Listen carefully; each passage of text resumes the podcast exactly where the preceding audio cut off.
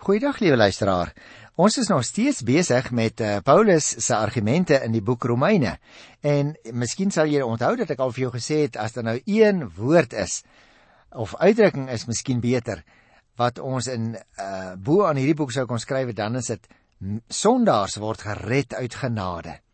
Maar nou op hierdie stadium van ons studie in ons program die Bybel vir vandag, is ons besig met 'n gesprek wat Paulus met 'n denkbeeldige persoon voor hom op 'n stoel voer. Hy praat met die persoon oor die posisie van die Jode.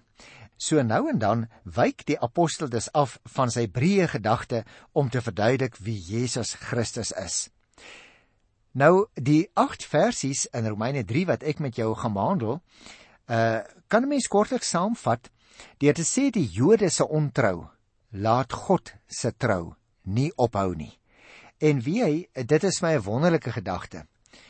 Want dit beteken dat ook wanneer jy en ek soms ontrou is, dan beteken dit nie die Here raak ook ontrou nie. Hy los ons nou sommer maar net nie. Hy gaan steeds voort om sy genade aan ons te laat betoon, net soos wat hy voortgaan om sy genade dat sondaars gered word op grond van wat Jesus Christus gedoen het vir hulle om daardie genade boodskap teenoor alle mense te laat uitdra, ook teenoor die Jode. Die vraag is net of jy en ek dit altyd doen. Jy sien dus dat ons ook maar dikwels aan die Here ontrou is.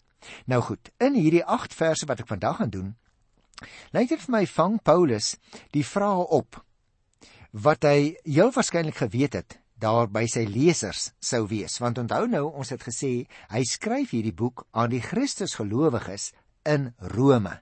En nou is hy hier tussendeur almekaar praat oor die Jode en hulle posisie dan kan die ouens in Rome nou miskien gewonder het nou joe hoekom dwaal hy so af en hoekom antwoord hy nie hier op en daar op nie? So dit lyk vir my uit die volgende verse het ons so 'n goeie voorbeeld. Hy vra eintlik uh, die vier vrae wat hier na vore gaan kom namens die Christene daar in Rome en hy beantwoord hulle dan sommer self. Dit blyk uit die vrae en die antwoorde wat die apostel gee dat die manier waarop die Here werk bokant menslike logika uitgaan. Elises, dit is belangrik dat ons dit sal snap voordat ons na die gedeelte kyk. Want jy weet jy en ek reken so dikwels ons moet alles wat gebeur kan verklaar. Ons moet selfs God kan verklaar met respek gesê. En dit kan tog nie. Ek het al 'n vorige keer gesê, ons kan eintlik nie eers byvoorbeeld vir iemand verstaan hoe werk die drie eenheid nie. Want jy sien, ek kan God nie met my verstand vat nie. Ek kan nie 'n greep op hoe daardie drie eenheid in die samehang tussen die drie persone in detail is. Ek kan dit nie verstaan nie. En daarom moet ons nederig genoeg wees om te sê daar is goed wat ek glo. Naamlik die persoon van die Vader en die persoon van die Seun en persoon van die Heilige Gees, maar kan dit nie regtig verklaar nie. Nou begin Paulus op hierdie goed wat hy dan aanvaar in die Christene se harte lewe, begin hy so 'n bietjie daarop reageer en begin hy vir hulle verduidelik hoor hier. Die Jode bevind hulle tog eintlik ook in 'n besondere bevoordeelde posisie, nie omdat hulle gered is nie hoor, maar omdat hulle die Ou Testament het daar is 'n baie makliker aanknopingspunt by hulle. Hulle is eintlik in 'n bevoordeelde posisie wat betref die ontvangs van die evangelie. Nou het ons voorheen al gesien dat Paulus hom nie altyd streng hou aan sy betoog nie. En hier het ons dus weer so 'n geval. Hy doen moeite om sekere vrae of misverstand wat sy voorafgaande betoog na vore kan bring by die Christene daar in Rome hier tussendeur te beantwoord.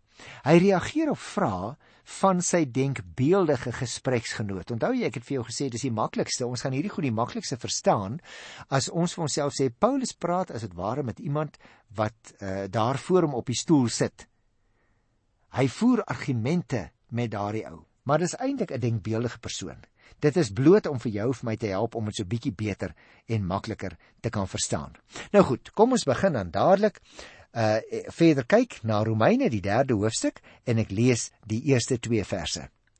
Het dit dan enige voordeel om 'n Jood te wees? En het die besnydenis enige nut? Ja, baie in allerlei opsigte. Die belangrikste is dat God sy woorde aan die Jode toevertrou het. Jy sien, liewe luisteraar, daarom het ek net nou vir jou gesê, hulle het tog 'n besondere bevoordeelde posisie omdat die Ou Testamentiese openbaring aan die Jode gegee is. En ek dink dit van belang is dat ons dit hier duidelik sal raak sien. Want luisteraar, daarom stel Paulus die vraag of dit dan nou enige voordeel het om 'n Jood te wees en of die besnydenis enige nut het. Hy haas hom dan om dadelik die versekering te gee dat dit in verskillende opsigte tog baie waarde het. Die belangrikste byvoorbeeld daarvan is dat God sy woorde aan die Jode toevertrou het. Op die ander sake waaruit die voordeel van die Jode blyk, gaan Paulus nie hier verder in nie. Daarom gaan ek nou ook nie daaroor spekuleer nie. Die volledige antwoord oor die voorregte van die Jode gaan hy eers eintlik begin gee daarvan die 9de hoofstuk af, maar daarom gaan ek dit los tot daar. Hy verwys hier wel in die eerste twee verse na wat hy noem die woorde van God. Nou die woorde van God beteken die besondere openbaring waardeur God met Israel in 'n verbondsverhouding getree het. Die voordeel daarvan om 'n Jood te wees, lê dus nie in wat hy in homself was nie. Maar die voordeel lê in die Here se verkiesende handelinge en sy genadige openbaring aan Israel tot en met die openbaring van Jesus Christus. Jy sien, aan die Jode alleen het God sy woorde toevertrou in die tyd van die Ou Testament. Daarom geld dit onverkort dat die verlossing uit die Jode kom soos wat dit ook geskrywe staan in Johannes 4 by vers 22, né? As heidene gered moet word, dan kan dit alleen wees omdat hulle deel ontvang het aan wat van die huis uit die erfdeel van Israel was. Die hele Ou Testament is daarvan vol, liewe luisteraar. Ek het al dikwels aan 'n uh, verwys wanneer ons die Ou Testament gedeeltes behandel het. Met ander woorde, die Here het met Israel begin en uit Israel is die verlosser uiteindelik gebore. Daarom dat Johannes 4:22 sê die verlossing het uit die Jode gekom. As 'n mens nou oor hierdie eerste twee versies so 'n bietjie nadink, dan besef jy na Paulus se aanvanklike negatiewe oordeel oor die Joodse volk, ten spyte van hulle wetsgesindheid en hulle wettiesheid, ten spyte van die fisieke besnydenis waarop sommige van die ouens wat so wetties was so gestaan het is dit bloot natuurlik om te vra wat dan nou die voordeel van 'n Jood bo die ander is.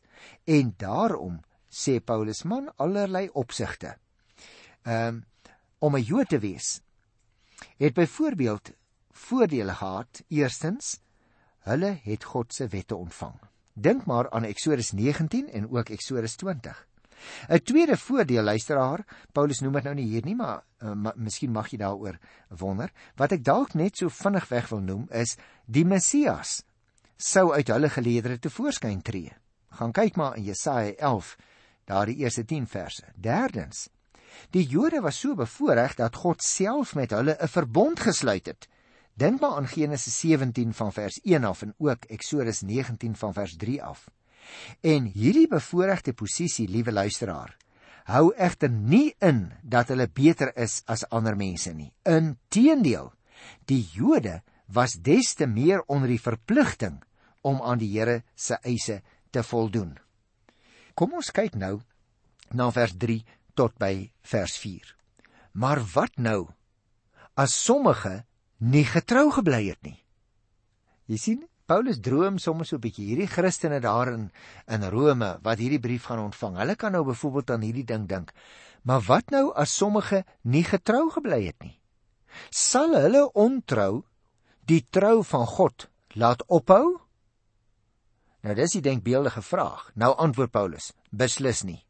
Dit staan vas dat God betroubaar is en elke mens is 'n leienaar soos daar geskrywe staan: U is regverdig wanneer u uitspraak doen en u wen u saak wanneer u aangekla word.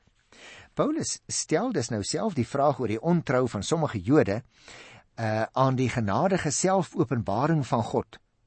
Sal dit nou beteken dat God se trou teenoor sy beloftes aan Israel tot 'n einde gaan kom nou dat die Jode ontrou geword het? dadelik ontken hy dit ten sterkste. Jy sien, Reeds die feit dat hy van sommige praat, toon vir ons aan dat Paulus daarvan uitgaan dat God in sy trou nooit die hele Israel sal prysgee nie. Nou luisteraar, daarom is sendingwerk onder Israel net so belangrik as sendingwerk in Indië.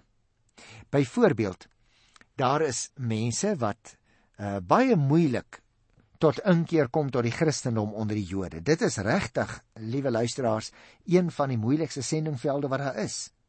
Net so is iemand wat byvoorbeeld van die Hindoeïsme oorkom na die Christendom, dit is net so moeilik. Dit gebeur eintlik baie selde.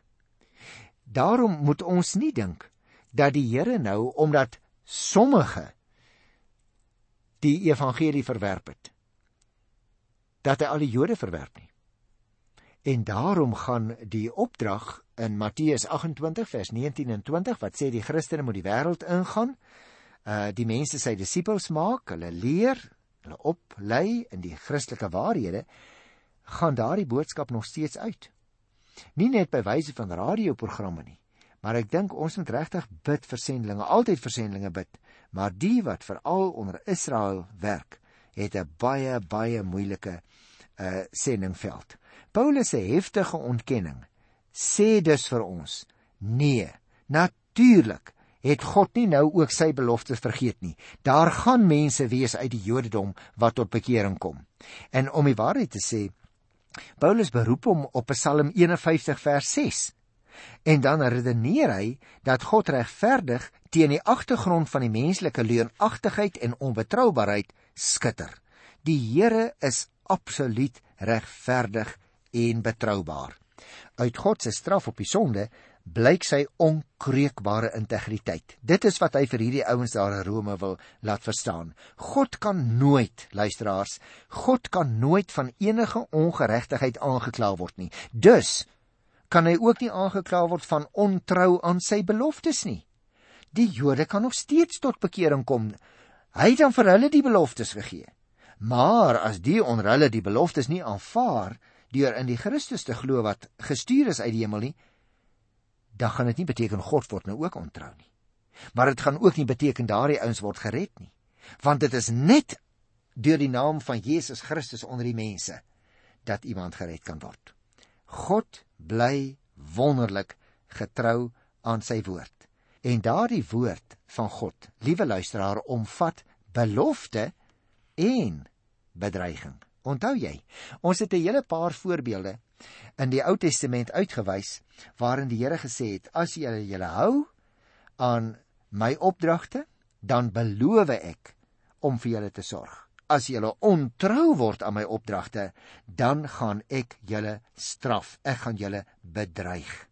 So die Here bly getrou. As mense dit nie doen nie, dan voer hy sy woord stiptelik uit. Nou moet ons ook onthou as God straf, is hy nog steeds regverdig en betroubaar. En ons vergeet dit so baie kere. Partykeer, liewe luisteraar, roep mense en sê nou waar is God? As hy nou nie doen wat ons van hom verwag nie, luister. Die Here is nie verplig om te doen wat jy en ek van hom verwag nie. Hy is wel getrou aan sy woord. Daaroor hoef ons geen onsekerheid te hê nie. Wanneer die Here dus byvoorbeeld die Jode uh nie in hulle ontrou prys gee nie, dan beteken dit maar net hy's nog steeds getrou aan die beloftes wat hy gemaak het aan Abraham. Maar as hulle ontrou word en nie in sy seun glo nie, dan bly hy steeds getrou aan wat hy gesê het. Dan gaan hy hulle nie red nie. Immers Ons sal nog sien in 'n latere program daarby vers 26 van Hosea 3 sal dit blyk dat God die goddelose kan spaar omdat hy sy seun ter wille van die goddelose in die dood oorgegee het en net so het hy sy seun oorgegee in die dood ter wille van die Jode. Wonderlik dat ons dus kan weet dat die Here absoluut betroubaar is. Nou dit bring my dan by vers 5 en 6. Apostel skryf hier: Ons verkeerde dade laat dus blyk dat God regverdig is. Wat sal ons daarvan sê? Ek redeneer soos mense gewoonlik redeneer, sê Paulus. Is God dan nie onregverdig as hy ons straf nie? Beslis nie. Hoe sou God anders oor die wêreld kon oordeel? Jy sien, liewe luisteraar, die apostel wil vir ons hier baie goed verstaan. As dit dan waar is dat God se geregtigheid en sy betroubaarheid juis teen die agtergrond van die mens se onreg afspeel, dan is dit mos ook so dat as ons verkeerde dade doen, dat hy ons behoort te straf.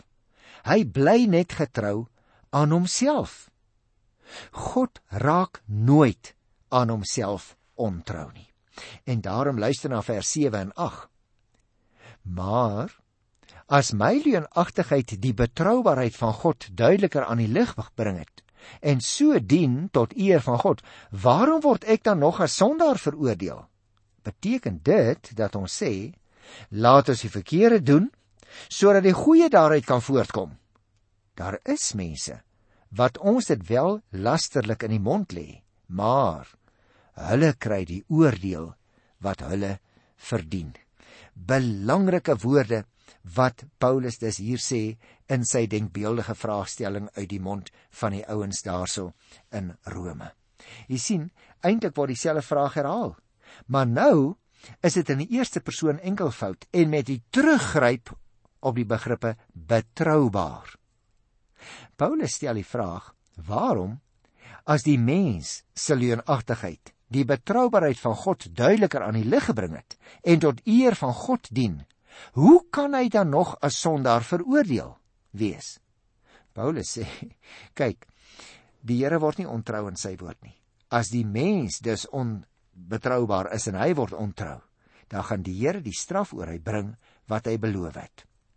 Nou, liewe luisteraar, As dit dan blyk dat God die sonde van die mens kan gebruik tot sy eie verheerliking, dan is die logiese gevolgtrekking nie dat die mens dan maar, laat ek dit so uitdruk, dapper moet sondig nie, né? Omdat dit uiteindelik tot groter verheerliking van God kan lei nie. Paulus sê, man, dis 'n lasterlike gedagte. Jy kan mos nou onmoontlik uh voortgaan om te sondig as jy weet die Here gaan jou straf. En nou net aanhou sondig en dink die genade moet al groter en groter word oor jou. Daar is mense wat dit vir Paulus in die mond lê dat sy leer van die verlossing deur genade daarop neerkom dat 'n mens die verkeerde moet doen sodat die goeie daaruit kan voortkom. Nou wys Paulus die voorstelling van sy evangelie op die sterkste moontlike manier van die hand. Hy sê sulke mense, as jy nou maar aanhou en aanhou en aanhou sondig sodat die genade al groter kan word, dan sê Paulus, hoorie dat ek nou vir jou sê, sulke mense kry die oordeel wat hulle verdien. Met ander woorde, sy bedoeling is baie duidelik, liewe luisteraar, nooit en nêrens mag die feit dat God die kwaad tot sy verheerliking kan gebruik, gebruik word om die sonde goed te praat nie. Ook mag die beloftes van God se trou teenoor Israel nooit gebruik word om die sondes en die afval van Israel te verdoesel nie. Met ander woorde, as hulle afgedwaal het, nie in die seën glo nie, dan gaan God hulle straf. Maar diegene uit hulle geleedere wat wel glo, vir hulle gaan hy red, want hy het beloof om die wat doen wat hy sê te red. Die finale gevolgtrekking, lyk dit vir my liewe luisteraar, uit hierdie gedeelte kan net wees dat God se trou teenoor sy beloftes aan Abraham, ondanks al die ontrou van die Jode, deur niemand as 'n vrybrief vir die sonde beskou moet word nie. Dit is 'n wonderwerk van die Here se genade wat alleen in die diepste verwondering in die geloof aanvaar kan word. Jy sien ons kan dit nie verklaar nie. Ons kan dit nie verduidelik nie. Ons kan nie verklaar hoe dat God trou bly as almal rondom hom ontrou bly nie. Daar is eintlik maar net een antwoord wat ons kan probeer prewel. Vanweë die wese van God.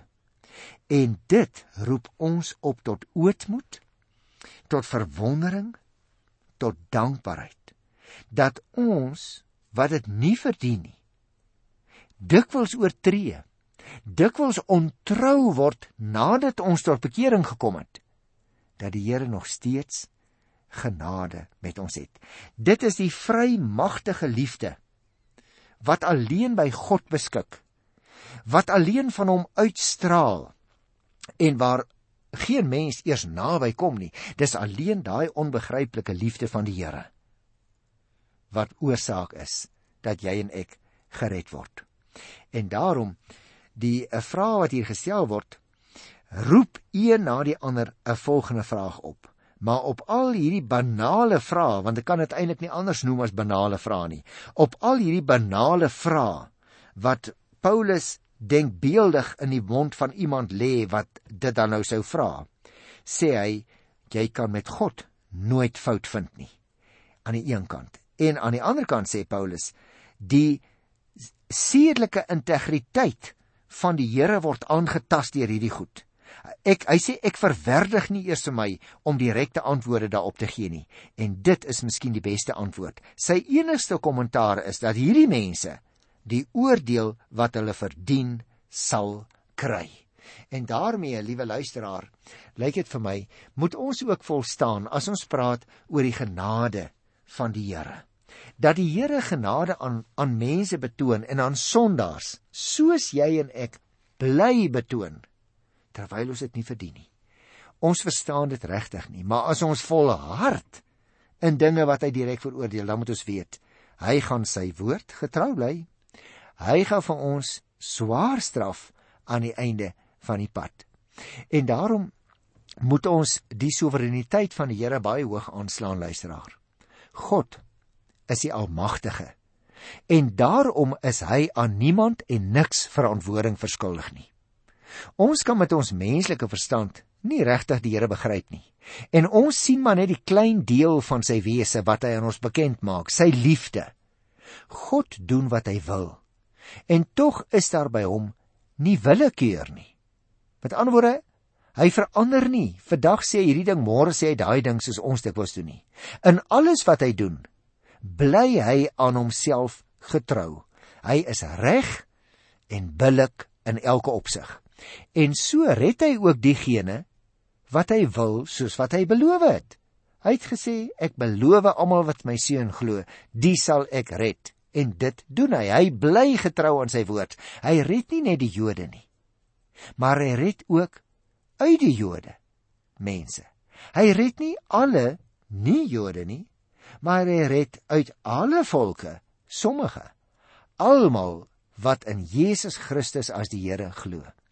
En daarom ten slotte vir 'n gelowige, 'n Christen, liewe luisteraar, is dit meestal bevrydend om te weet dat jy nie self oor jou eie lot beskik nie, maar dat die almagtige God oor jou en oor my wel en wee beskik. Jy kom ook onder die indruk van God se genade, want jy besef Hy kon jou ook verlore laat gaan net soos baie ander mense as hy wou. Die rede dat hy jou en vir my sy kind gemaak het, lê nie in iets wat jy of ek gedoen het of in hoe jy of ek is nie.